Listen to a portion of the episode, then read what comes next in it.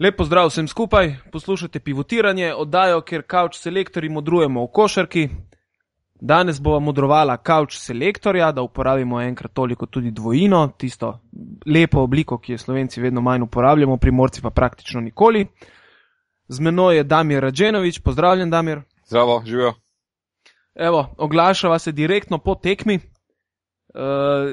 Eurocapa, v kateri je Union Olimpija precej zasluženo v bistvu, mogoče uh, rezultatsko ni najbolj primeren uh, uh, izraz, razgazila, ampak dejansko je razgazila to Rigo. Ne? Na koncu je rezultat bil celo manjši, kot je izgledalo, da bo celo tekmo. Ja, definitivno. Začeli so, tako kot mislim, da lahko klišejsko uporabiva besedo furiozno. Um, niso se gostovanja sploh ustrašili, sicer se ni kaj za ustrašiti. Uh, Jaz sem že prej gledal recimo tekmo eh, Rige proti Bešiktašu. Mm -hmm. Lahko rečem, da ta kvaliteta v tej ekipi ni dovolj, dovolj dobra, da se lahko kosa z eno olimpijo. Kljub temu je pa Olimpija vseeno prišla, kot vemo, brez dveh eh, pomembnih členov v svoji rotaciji, oziroma tudi članov prve peterke, Mirze Begiča in Sasu Salina, tako da določeni pomisliki pred tekmo sigurno so bili. Eh, vendar začetek je bil odličen, prvi polčas je bil res na nivoju in eh, nekako tudi v tistih kriznih minutah, tudi te krizne minute niso popolnoma tako izgledale, kot so bile že nekatere krizne minute v letošnji sezoni, tako da mislim, da je dokaj mirno smo lahko spremljali samo tekmo. Točno to, ker dejansko pač prva četrtina je bila eh, tak, Berzerk varianta. Ja. In potem, potem je nekako težko. Pač, nisi zdaj Barcelona ali pa Real, da ko si v prvi četrtini zlomil nasprotnika, da ga boš pa zdaj samo še gazil celo tekmo. Uh, tako da nekako jaz sem pričakoval padec, sploh če, če smo malo zlobni, mogoče danes res ne rabimo biti. Uh, ga nekako zmeraj pričakuješ, ampak tokrat je bil res padec tisti minimalen in nekako pričakovan, tako da so uspeli normalno strniti vrste in rutinirano pripeljati tekmo do konca. Ja, ja. Uh, jaz nimam, kar se tega tiče, prav nobenih. Nobenih pripomp no, na samo igro. Zdelo se mi je, da so celo prikazali eno najboljših, če ne kar najboljšo igro v letošnji sezoni, glede same konstantnosti. Ne.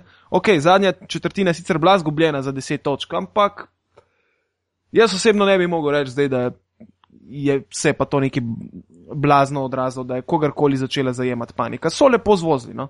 Ja, misliš na tretjo četrtino, ne? kjer so deset točk uh, zgubili. Hvala, tretjo, ja. Uh, ker se hotel pa jaz samo to dodati, uh, ta spet uh, hitro vodstvo, visoko vodstvo. Itak zna uspavati. Ja. ja, in spet v bistvu priložnost, da delajo na tej, bom rekel, bolj psihološki uh, strani košake, kot pa, bom rekel, sami tekmovalni športni strani. In ta tretja četrtina, v bistvu po, po koncu polčasa, ko pridejo ven iz garderobe, tukaj mislim, da mečkano dela, še čaka strokovni štab, da po takem, po takem vodstvu, če zdržiš, to je neko res eh, zlato pravilo košarke, če vodiš 15-20 točk in potem zdržiš še tistih 5-6 minut v tretji četrtini, si tekmo dokončno več ali manj zlomil in potem se nasprotniku v bistvu ubije volja. Uh, mm. In če se spomnimo tako imenovanih zlatih časov zmaga Sagadina, uh, njegova izjava je bila zelo pomenljiva, da je najbolj sovražil, kadar je Olimpija po prvem polčasu vodila za 15 točk. Točno to. Ker to je vedno stvar dobesedno treh žog oziroma treh napadov, treh obramb. Iz 15 uh, točk greš na 20-22, končaš tekmo ali pa iz 15 točk narediš par neumnosti, ekipa pride na, na zaostanek 7 do 9 točk in spet naredijo tekmo. Mm -hmm. um, Olimpija letos je nažalost bila vedno v tem drugem, v tej drugi izjavi, se pravi, vedno je bilo nekako dosti solidna vre, uh, prednost, potem pa so tekmo zakomplicirali. Danes je bilo to veliko lažje gledati, čeprav je spet se to jim zgodilo in mislim, da, da ta, kljub temu košaka je 40 minut tekma, vendar kljub temu očitno pri vodstvu so te minute, se pravi od 21. Eh, pa tja do 27. nekako za Olimpijo najbolj pomembne, tam morajo svoje vrste strniti in držati neko razliko, ki je ustvarjena, zato da grejo lahko potem v, v, v finiš bolj mirno. Uh, no, proti Bešiktašu v prvi tekmi letošnjega Eurocapa se jim je to zgodilo v zadnji četrtini, uh, tukaj malo prej, ampak proti Bešiktašu je bilo to dobesedno slabše zagledati in se ponovno strinjam s tabo, da sam nisem čutil neke panike, tudi ko je razlika prišla na, na 8 točk. Uh, dejansko zmaga za 9 točk pa veva, da je bil koš dosežen v zadnji sekundi brez obrambe za 2 točki, kar pomeni, da so že tako, tako ali tako zmagali neuradno za 11 ne, in sigurno je tam še malo uh, bil prisoten en padec koncentracije, ker pa je to ekipa, s katero, za katero mislim, da se ne bo srečala v nekih krogih za napredovanje z Olimpijo, točkovna razlika mogoče niti ni tako uh, pomembna. Pomembna je. Ja.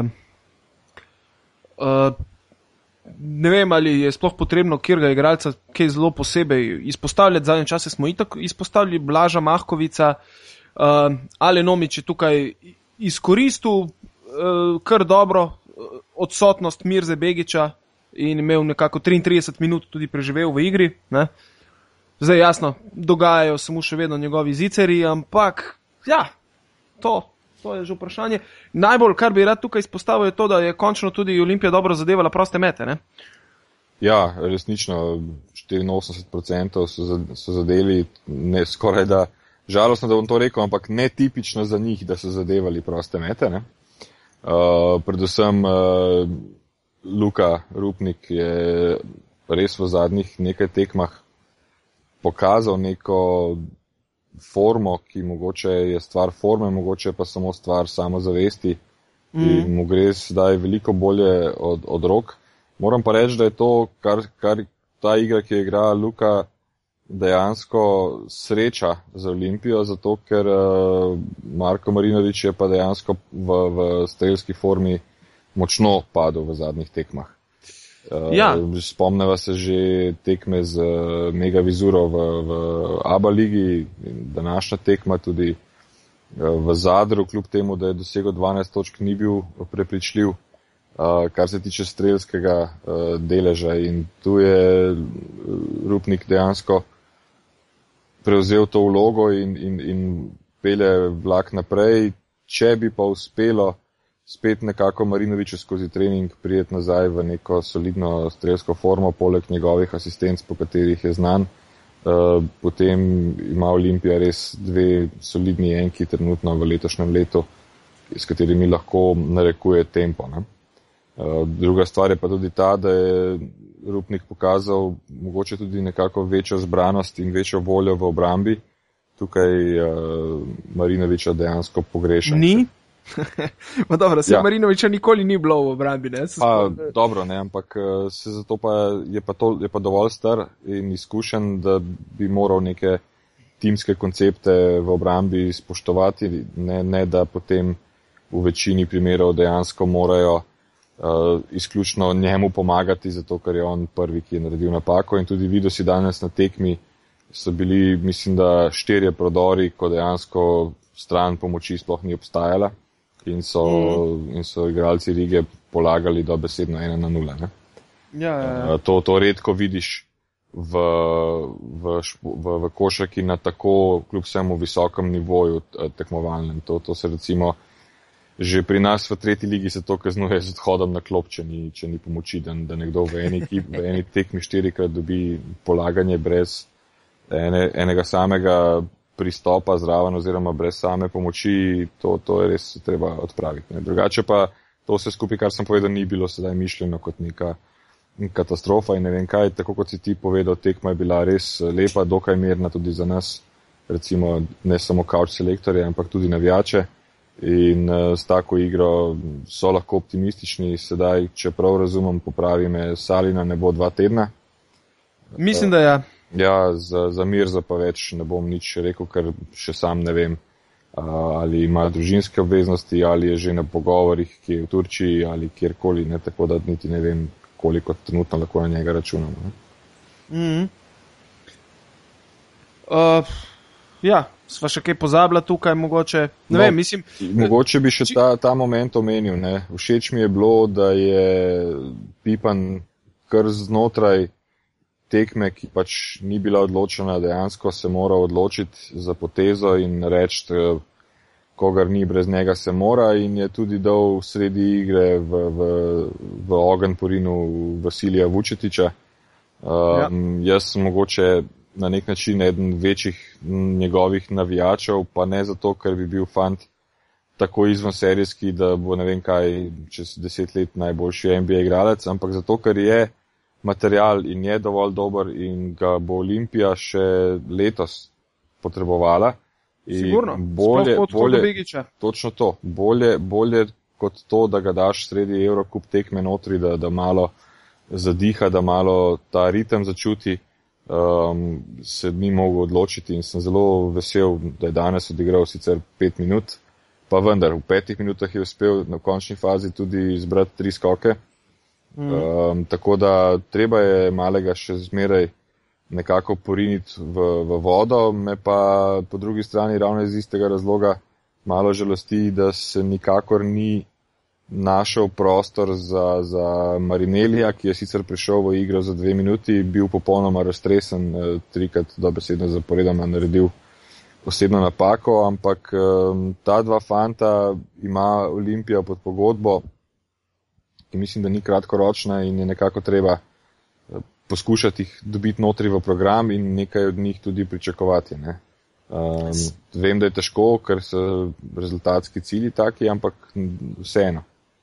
Sej, meni je lih tega žal, recimo, ker Marineli je eh, lani v zaključku državnega prvenstva, ko pač niso več imeli s kom igrati in so bili prisiljeni Marinelija dati v igro, igral že kar na dobrem nivoju. Ne? Jaz sem bil lansko leto z njim zelo zadovoljen in, in tudi ja. letos nimam uh, takih velikih pripomb, zato ker jih tudi ne morem imeti, ker uh, fant prihaja v igro pač, kadar prihaja.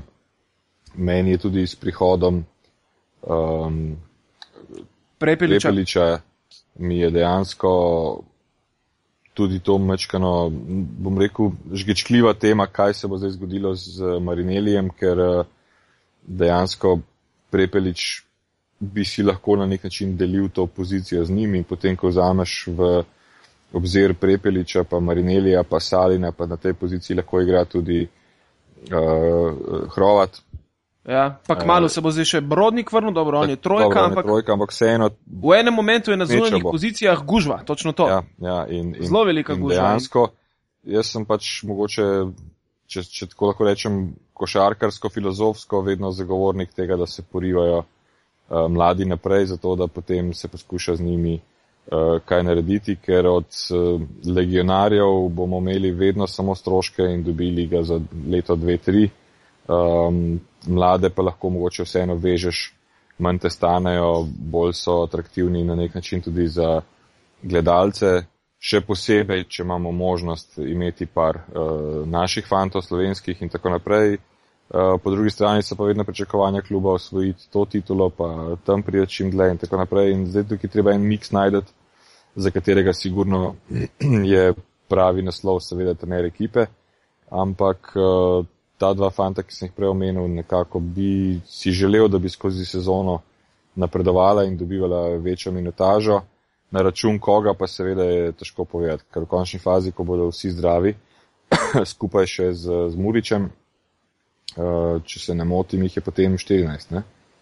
Tako. Tako. In v bistvu bo v ekipi uh, veliko bi rekel teletekmovalnosti in zdrave eh, konkurence. Ja.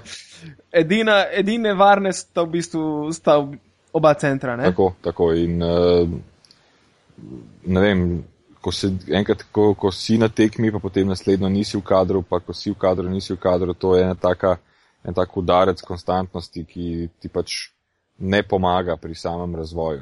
Zato... To načeloma ni problem, če konstantno igraš dve tekmi na teden. Ne? Kar je pa vprašanje časa. Olimpija bo verjetno prišla med top 32. Se ravno to je, ne? ta, ta Eurocup je ena lepa zgodba za mogoče spet dvigovanje nekega, bom rekel, skoraj patriotizma. Ne? V Evropi smo igramo in to je, to je tudi stik, ki ga Olimpija potrebuje, ker če še Eurocup izgubi, Eh, dejansko Olimpija na nek način ven iz Evrope in se lahko v njo vrne samo dobesedno skozi zmago v ABA ligi, kar pa veva, da je zelo težko. Um, po drugi strani je pa to tekmovanje, ki Olimpiji vzame čas, energijo, denar in tudi v končni fazi, ne vem, bom rekel, realno, eh, nimajo možnosti osvojiti tega Evrokupa ali pa prijeti v Final Four. Pač tukaj, mm. tukaj je toliko močnih ekip eh, z ogromnimi uh, budžeti, nekatere ekipe verjamem, da so celo boljše od nekaterih evroligaških. In dejansko je stvar v tem, da, da se mi zdi, da se tukaj včasih zgodi, da, da Olimpija veliko energije zapravi na, na, na Evrokupu, Aba Liga je pa prioriteta. Ne? Sigurno, ja. In, in ravno ta pritisk, v bistvu, eh, ne vem, ali je to do pritiska ali česar koli, ne. Rad bi videl, da se zdaj te predstave iz, iz Evrokupa, ki so letos v Evrokupu odlične, uh, preselijo tudi v Aba Ligo. Vsej, mislim, glede na, na lanski začetek, rezultat je dober. Zgodil, zgodila sta se že sicer, recimo, Kiks proti Mega Vizuri. Ne? Ja, uh, za Mega Vizuro nisem še prepričan, da, da je Kiks, uh, ker je to ena res poletna ekipa, definitivno je pa metal. Bil Kiks valjevo, definitivno. To, ja. pa, to je pa katastrofa in tudi tam je, že, je bilo že vodstvo 18 točk, ne pa niso mm. materializirali mm. zadeve. Ja. Ok, enough about Olimpija. Uh, poglejmo še na brzino, evo, Euroligo. Tokrat se ne bova zadrževala toliko, oziroma nič se ne bova zadrževala pri rezultatih, da je tako rajši povedati.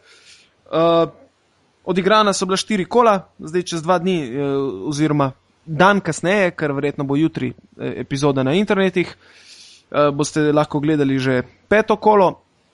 Neporažene imamo štiri ekipe, v vsaki skupini po ena. Uh, jaz bi se rad zaustavil malo bolj pri rosterjih in konceptih, ki se dogajajo v letošnji sezoni. Začel bi pa z ekipo, od katere ne morem reči, da smo veliko pričakovali, ker smo lani bili malo razočarani, v bistvu nismo vedeli, kaj pričakovati, smo pa le bili negativno presenečeni. Uporabljam množino, ker enostavno vem, da nisem edini.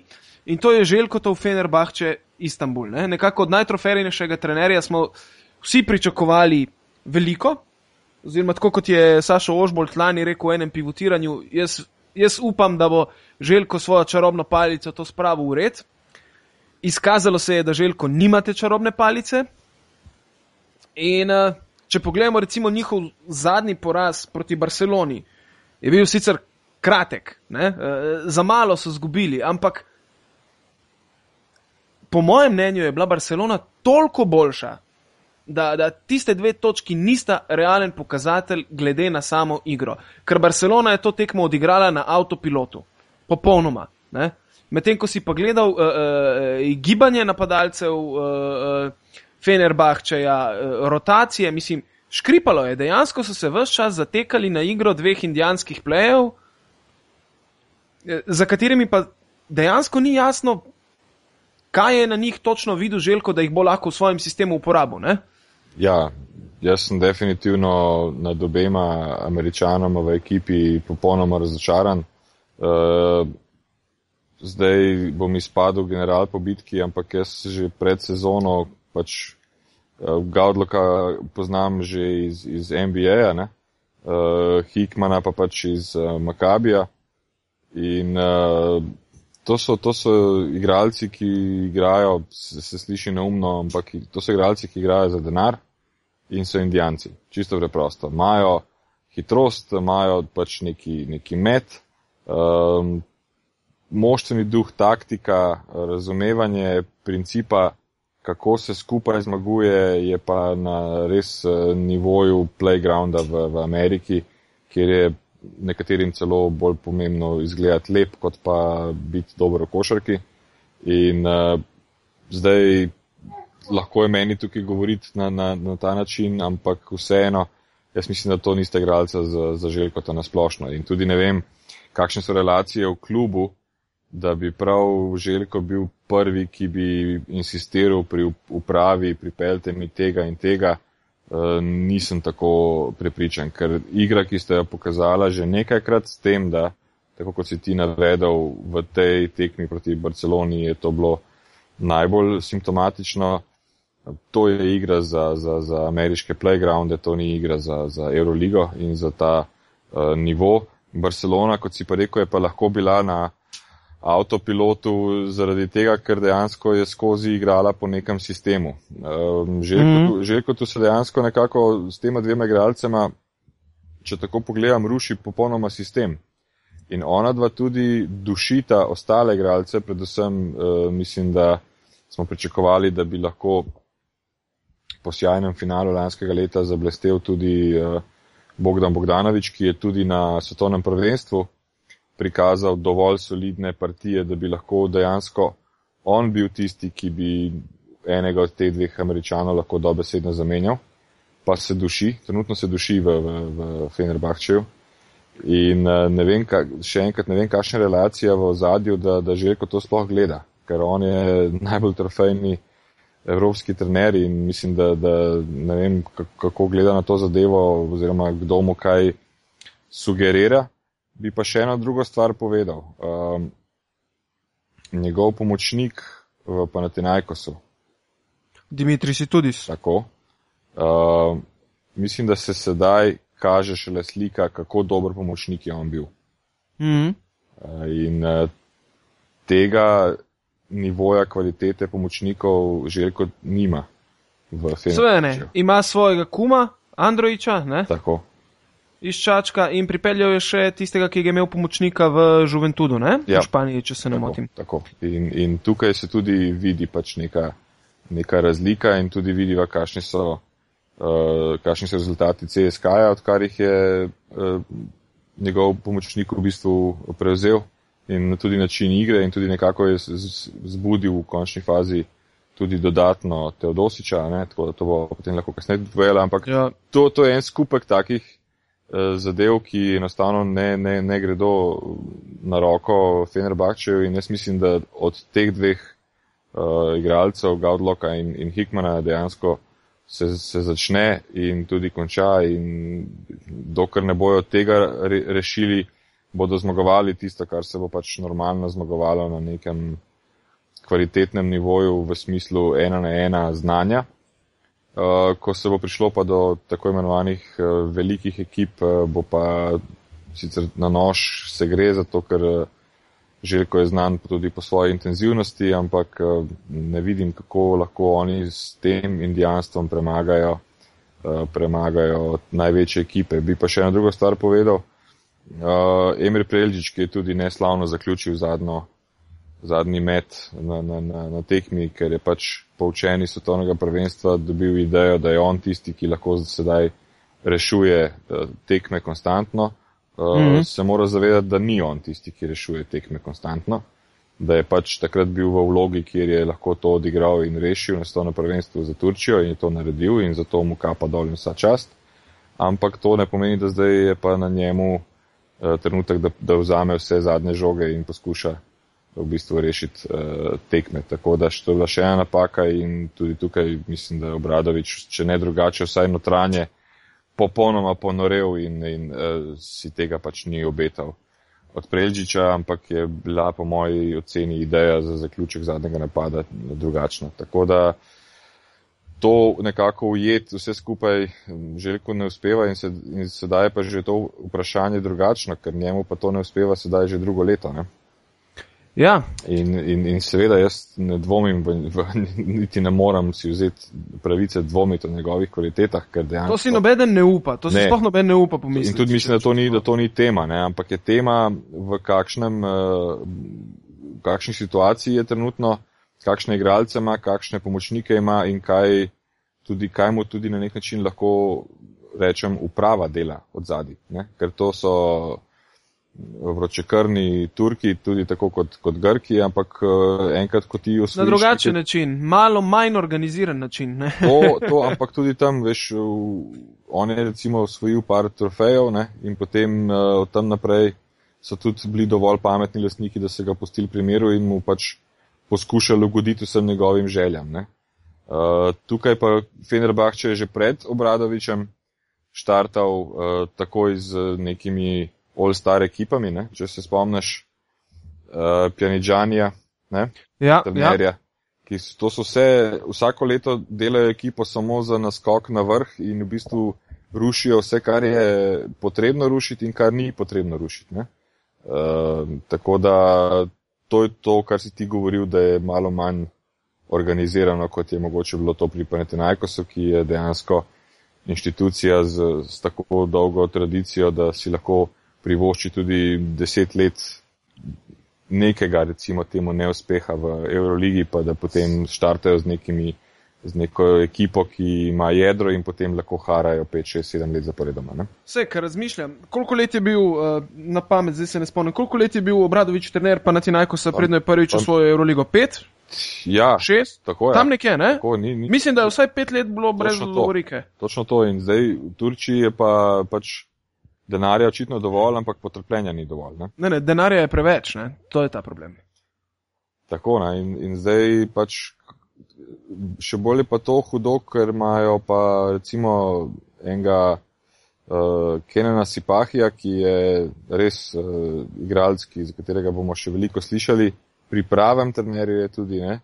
Uh, in v bistvu treba za te stvari nekako poskrbeti, da se, da se bolj kot ne uh, razvijajo v pravo smer, da lahko Turčija tudi kot nacija dobi spet nek pač sjaj, ki ga je imela in ga tudi verjetno lahko še ima, ker vemo, da so potem še drugi super talenti v tekmecu v Priefesu. Ne. Ampak recimo, kako, kako neorganizirano je razmišljanje tega kluba tudi kaže prihod eh, Semiha Erdena. Ne. Točno to sem hotel pokomentirati, ne? ker Semih Erden je imel lani pri Efesu 2 milijona in pol evrov plače. Ne? Ok, razumem, tle imajo oni to svojo kvoto uh, turških igralcev in zaradi tega potem grejo te zadeve v nebo in, in v perverzne vrednosti. Ne? Če pomisliš, da en tak igralec ima tako gažo. Ja, Ampak ja. super, njemu je ratalo, vsaka čast. Ne? Zdaj pa, uh, lih to sem razmišljal, sem rekel, zakaj si želko ni pripeljal enega mladega centra, zato ker Semih Erden ima v Euroligi, mislim, da povpreče pet minut na tekmo. Ne? Ja, ja, ja, ja. to. Samo jaz imam, ene, e, ti veš, kaj je bilo pri samem e, dogovoru za, za, za prihod v Fenerbahče. Oni so, Obradovič niti ni bil toliko za to, sploh ne. Ja. Zaradi tega, ker je Semih Erden dejansko v Turčiji um, začel v zadnjih letih ga biksati vedensko. Ja. Ne? In oni so v bistvu podpisali pogodbo, Fenerbahče je podpisal pogodbo s Semihom Erdenom, v smislu, to sem zasledil na parih uh, sajtih, tudi na, na turških, uh, v smislu, če ga boš biksal, pa, pa, pa ne boš ne vem, dovolj zauzet na treningih, pa ne boš spoštoval timske discipline itd., itd., lahko prekinemo pogodbo kadarkoli. Ne? In ti, mm -hmm. ko začneš s takimi igralci uh, podpisovati pogodbe, po drugi strani hočeš štartaš pa ne na Final Four, ampak štartaš na Evropsko Lovoriko, uh, potem je to že nekaj, kar je disrupcija te kemiji, potem na to dodaš dva indijanca ameriška, ki so se prej pogovarjala in uh, imaš tukaj lahko en cel, uh, kako se temu na jugu reče, bučkoriš. Ne? In mm -hmm. to trenutno on ima. Tam ima dva indijanca ameriška, enega uh, centra, kjer se treba malo bolj ukvarjati z njim, kako se obnaša, kot pa kako igra, in enega, uh, eno krilo, ki je odličen igralec v sistemih in uh, ne tako zelo dober igralec v odločanju v zadnjih sekundah. Potem si pripeljal pa dejansko še dva ta, uh, ekstra talenta, Sipahija pa Bogdanoviča, ki bi jih moral razvijati in jim posvetiti še večjo pozornost in jih polagati, postavljati v to, uh, bom rekel, pozicijo, da boste vodilni v klubu, pa tega ne delaš. Ne.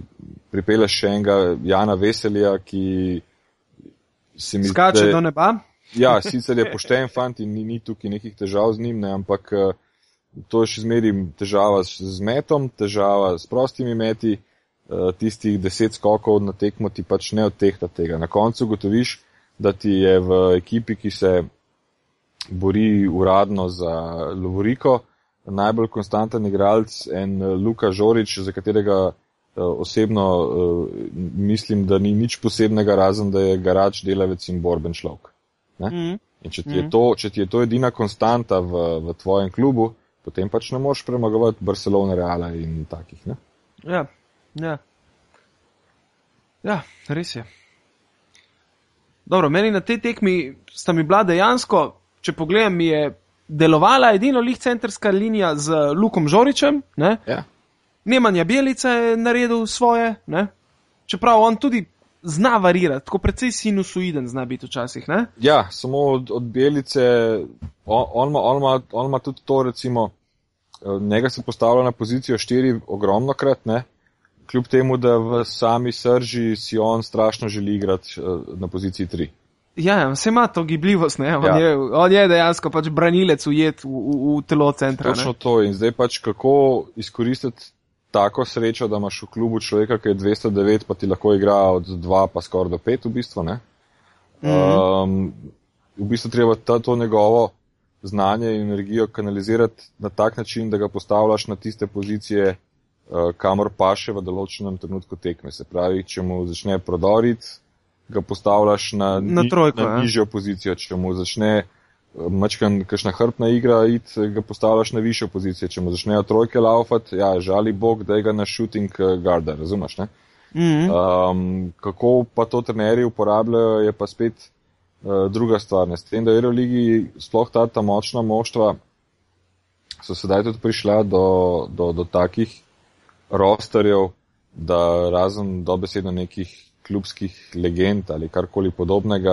ljudje dobijo 20 minut za igrati in to ponavadi v, v etapah po 5-6 minut. In uh, zelo težko, zato tudi se ne zgodi veliko krat, da igralci dosegajo, vem, 36 točk, ker dejansko noben nima tega igralnega časa in uh, tudi. In žoge toliko roka. Točno to in ti recimo moraš, kar, kar smo včasih smehom pospremili, takrat, ko je Dule Vojoševič to delo, pa je rotiral igralce na 3 minute, ko smo se vsi čudili, pa se se ne more niti ogret, kaj bo šele igral, ne? Eh, sedaj tudi ta evropska košaka pri teh močnih klubih dejansko gre v to smer. Dobiš petminutno etapo, v teh petih minutah dobesedno, če je playmaker. Drži tempo, ne? Če, ja, pa če je playmaker, bom rekel, dobre vole, da ti je dal tri žoge, ko, ko si jih moral dobiti, pa da si jih še izkoristil, si mogoče lahko si podaljšal življenje, če ne, pa že tako je rotacija bila. Ne? Mm. Uh, tako da. Dobro, prvak v temu je Čavi Pasquale, ne?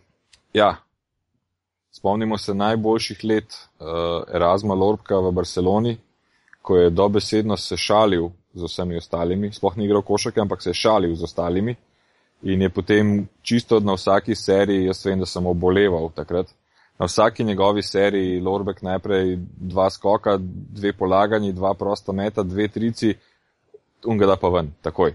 Ne, ni mogel niti prijeti do, do, do recimo tega, da bi odigral neko tekmo, ki bi bila ki bi se jo spomnil celo življenje, čeprav je imel par tekem, kjer sem bil prepričan, da, da bi, če bi dobil daljšo uh, etapo, niti ne nujno minutažo, ampak da bi razgazil. Etapo, da ja. bi bilo to 35 točk, pa 15 skokov, pa mm. 80% met. Par tekem se točno takih spomnim, da bi moral vsazga prej zamenjati razen njega. Ne. Tako da, ja, Dule je začel, Čavi je nadaljeval, sedaj pa to počasi trend. Vsi so po etapah. Ne. In Belica, ravno, ravno zato sem to omenil, Belica se mi zdi, da ni tako zelo etapni človek, kot bi si mogoče trenerji želeli. Ne?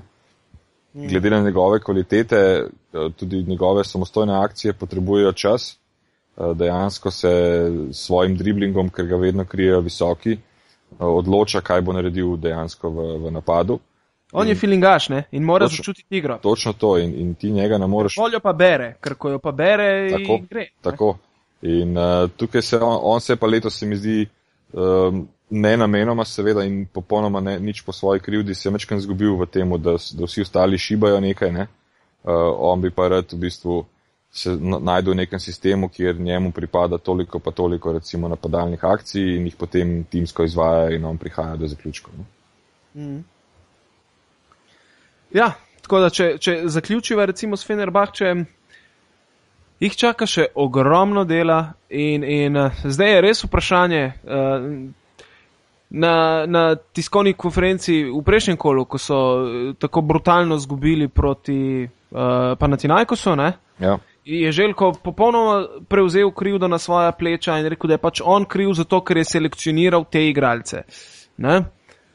Uh, ja, sam v, tem, v tej izjavi je, je bila tudi, uh, je tudi skriti. Lahko pomen. da je tudi ir, ironija, točno to. Pa tudi skriti pomen je bil. Uh, dve variante je bila, da jih on ni selekcioniral. Ne?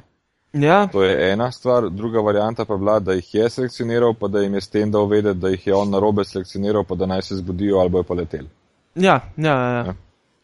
Vse je možno, ne? ko se začne brati med vrsticami. Gremo naprej na naslednjo ekipo, ki si jo že prej omenil, in to je CSK Moskva, ki ji poveljuje trenutno Dimitri Situdis, Željkov Kum. In, in uh, ne morem reči njegova divja polovica, ker sta v bistvu obe polovici divji, če se spomnimo tekem pa na Tinajkosa, kjer sta si ona večkrat skočila v lase med time-outi ja. in se skoraj pobila. Ne? Mislim, ona dva imata ta v bistvu schizofren način vodenja, ki, ki eh, je skos na robu konflikta. Ampak uspeta biti na pravi strani rezila. Ne? Absolutno. Ja. Uh, to je umetnost. To je umetnost, da držiš ti uh, en dialog z ne enim človekom, ampak 12 ali pa 14, toliko časa na kupu, da si skos na tem, da bi se z njim pobil, na koncu se pa le objameš in rečeš, majstore, idemo dalje. Ne? Ja, to je, to je težko, ampak je popolnoma izvedljivo, če vsak ve, kaj je glavni cilj in da, se, da, in da to ni na dobesedno striktno osebni ravni. Ne? Kar sem jaz recimo tudi že v lastnem igranju košake ugotovil, da tisti, ki so si karkoli k srcu vzeli, ko jih je kdo uh, rekel, napadal ali pa nadrl ali karkoli, pa so potem za tega bili, ne vem, z glavo nazdol pa užaljeni. Še tazga še nisem videl, da je naredil karkoli v košarki. Tako da in tudi danes mladini vedno polagam na srce, ko se s kom kaj pogovarjam, pa kaj delamo na treningih. Če sem ti jaz rekel, da, da, da, da to, kar si naredil, je idiotsko, pomeni, da je to, kar si naredil, idiotsko, ne da si ti idiot. In če ti razumeš, da si ti idiot, pa da potem zaradi tega obesaš, eh, povesiš nos, potem izvoli se preobleči pa pet na en drug šport. Ne. Košaka mm. je hitra igra in v košaki tudi, kot so poteze hitre, so tudi besede in, in gestikulacije hitre, kar pomeni, da takrat ni časa, da ti razmišljaš v, v tem, na nek način se včasih hecam, ker ženska reče, it's not what you said, it's how you said it. Ne. Ja. Lahko, prosim, nehaš zdaj s tem zafrkavati in obradovič je vedno dobro funkcioniral s takimi igralci, ki so razumeli, da komu, ko je on nek slina od obradoviča od plunkov dobival v glavo, ga je imel obradovič še zmeri zelo rad, ampak je v tistem momentu pač bila taka situacija. In tisti, ki so s tem prilagodili, so ga imeli zelo radi in so igrali na, na odličnem nivoju, tisti, ki ne, pa se do njega niti prišli niso, ker so že imeli take prej probleme. Ne? Mm -hmm.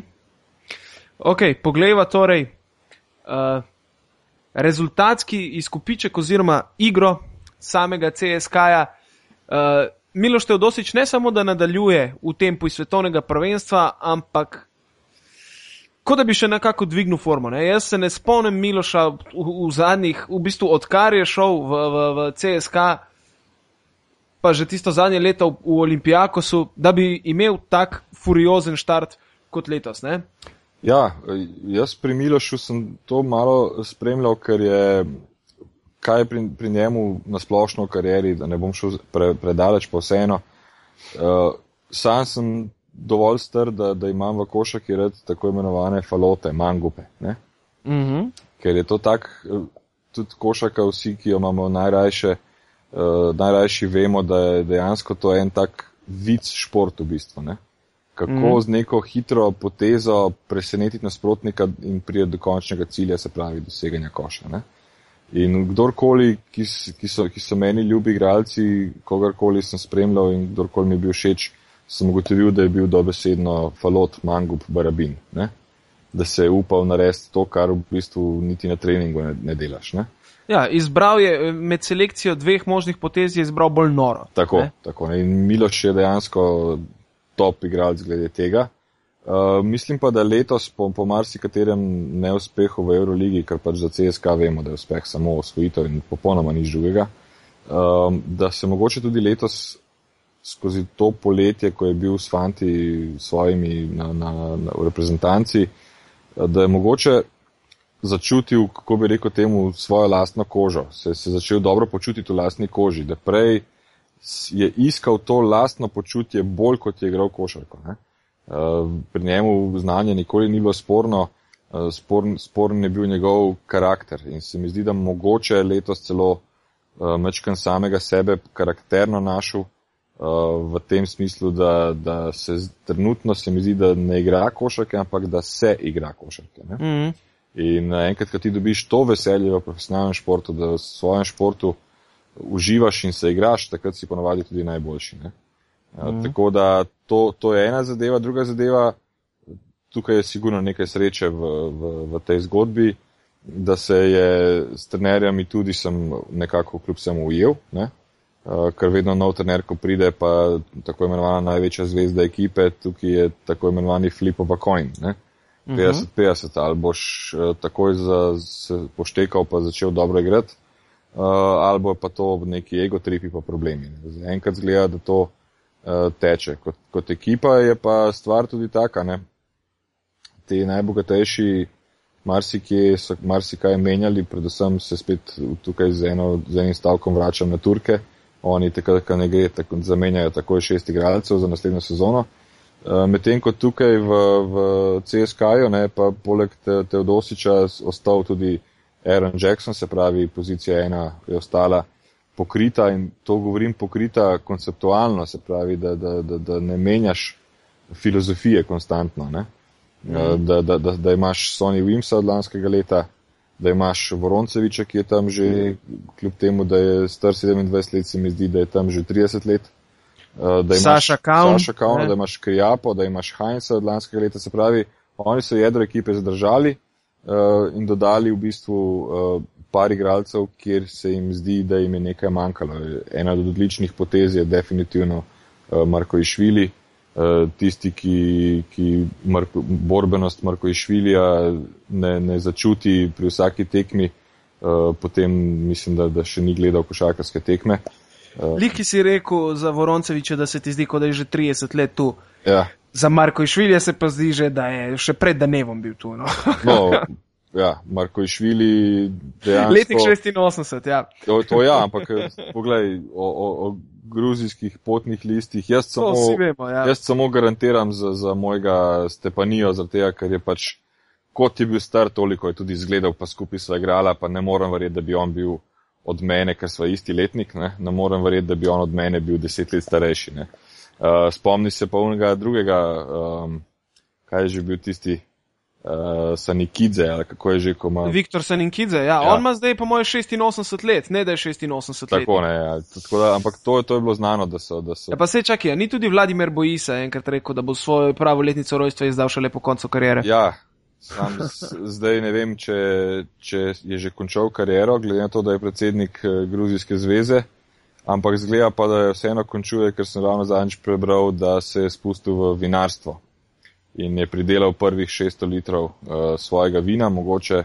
Kje češ delati vino, če ne v Gruziji? Mislim, Točno. oni so delali vino pred Grki, ja. pred, pred Rimljani. No, kar pomeni, da mogoče se pa bliža tisti datum, ko bomo zvedli, koliko je Bojisa star.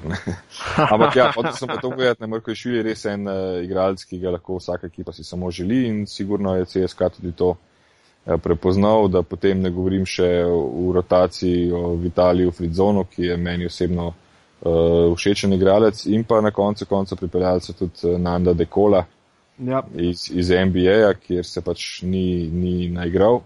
Uh, sigurno pa ima vse potrebne kvalitete, da igra na vrhunskem nivoju, kot je že igral pri Valenciji. Mm. Uh, tako da ne veliko sprememb, po drugi strani pa tudi, kar sem gledal, pa sedaj je to res observacija enega navadnega gledalca, se mi zdi, da ne komplicirajo v igri. Uh, in, in to, ko ti ne kompliciraš v igri, dejansko pripelje do dokaj uh, enostavnih rešitev in enostavne rešitve, za enostavne rešitve ne potrebuješ veliko energije, kar pomeni, da lahko zmaguješ dobesedno. Mm. Tako da pri njih je, ampak spet je to zadeva, ki se bo v nekem pivotiranju pojavila, ko bo blizu ali pa skoraj določen Final Forge, ne, uh, bomo rekli, ha, kaj, kaj je šlo narobe, pa kaj je šlo prav. Um, sedaj je intenziteta, kot so se že pred pivotiranjem pogovarjala, kljub vsemu še dokaj nizka. Um, tukaj se Euroliga že počasi gre v smeri NBA, kjer je neki tako imenovani redni del sezone, ni še tako krvavo pasi, da, da, da letijo vsi po igrišču, se mečejo na zobe in riskirajo tudi hude poškodbe. Um, dejansko, ko se začnejo izločilni boji, bomo potem šele videli, resnično, kdo je iz kakšnega testa. Ne? Točno to je. Uh, mislim, da je to bila lepa istočnica, da danes v bistvu počasi zapakirava tole temo. Uh, malo stvari smo obdelali, ampak te pa v bistvu, evo, tri teme in tri teme detaljno. In konec koncev ne rabimo zmeraj narediti prerez vsega, če se strinjaš. Se strinjam, jaz bi mogoče samo še dve stvari omenil, ki sta se prejšnji teden meni zdele super pri Euroligi in sicer zmaga CD-vite. To je uh, ja, hvala, krasen, hvala. Krasen, krasen uspeh. Tekmo sem gledal, Makabi je letos za moje pojme samo še ime in ne dejansko kvaliteta. Mm um, in CD-vita jih je zvozila zelo lepo. Um, ravno danes sem prebral en zanimiv, uh, zanimiv tweet na temo Ukiča, ki se je vrnil po poškodbi in igral zelo, zelo dobro na tej tekmi, da Ukič v svoji karieri varira od igralca četrte črnogorske lokalne lige pa do igralca prve petorke NBA in da to celo kariero počne in odvisno kakšen se prikaže na tekmi. V Tel Avivu se je prikazal v dobri luči in je v bistvu pomagal CD-viti. Všeč mi je bilo, da so bili neustrašni. Tako da to je ena stvar, ki me je zelo impresionirala eh, v prejšnjem krogu. Druga stvar, ki sem jo pa uh, hotel omeniti, je pa še vrnitev Saše Vujačiča v Euroligo.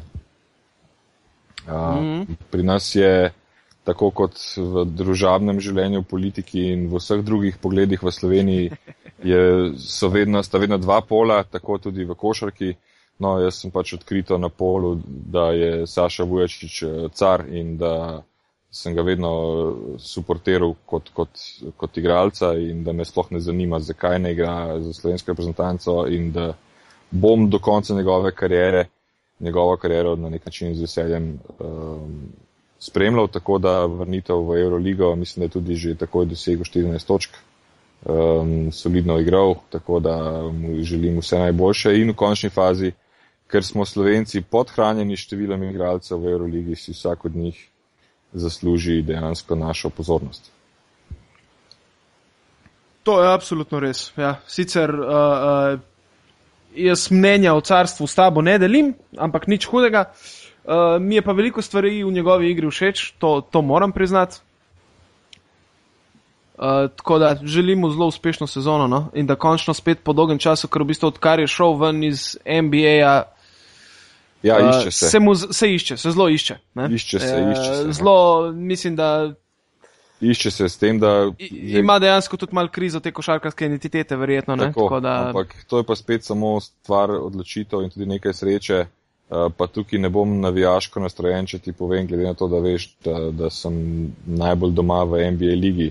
Mm. Uh, določeni igralci na njegovi poziciji, ki so v NBA-ju trenutno na garantiranih pogodbah, lahko njemu dejansko samo čistijo superge. Uh, ampak to je pač stvar, kje si, v kakšni poziciji, kdaj si, dobesedno milijon enih zadev je, zakaj trenutno nisi v NBA-ju, pa imaš kvaliteto za NBA. Mm -hmm.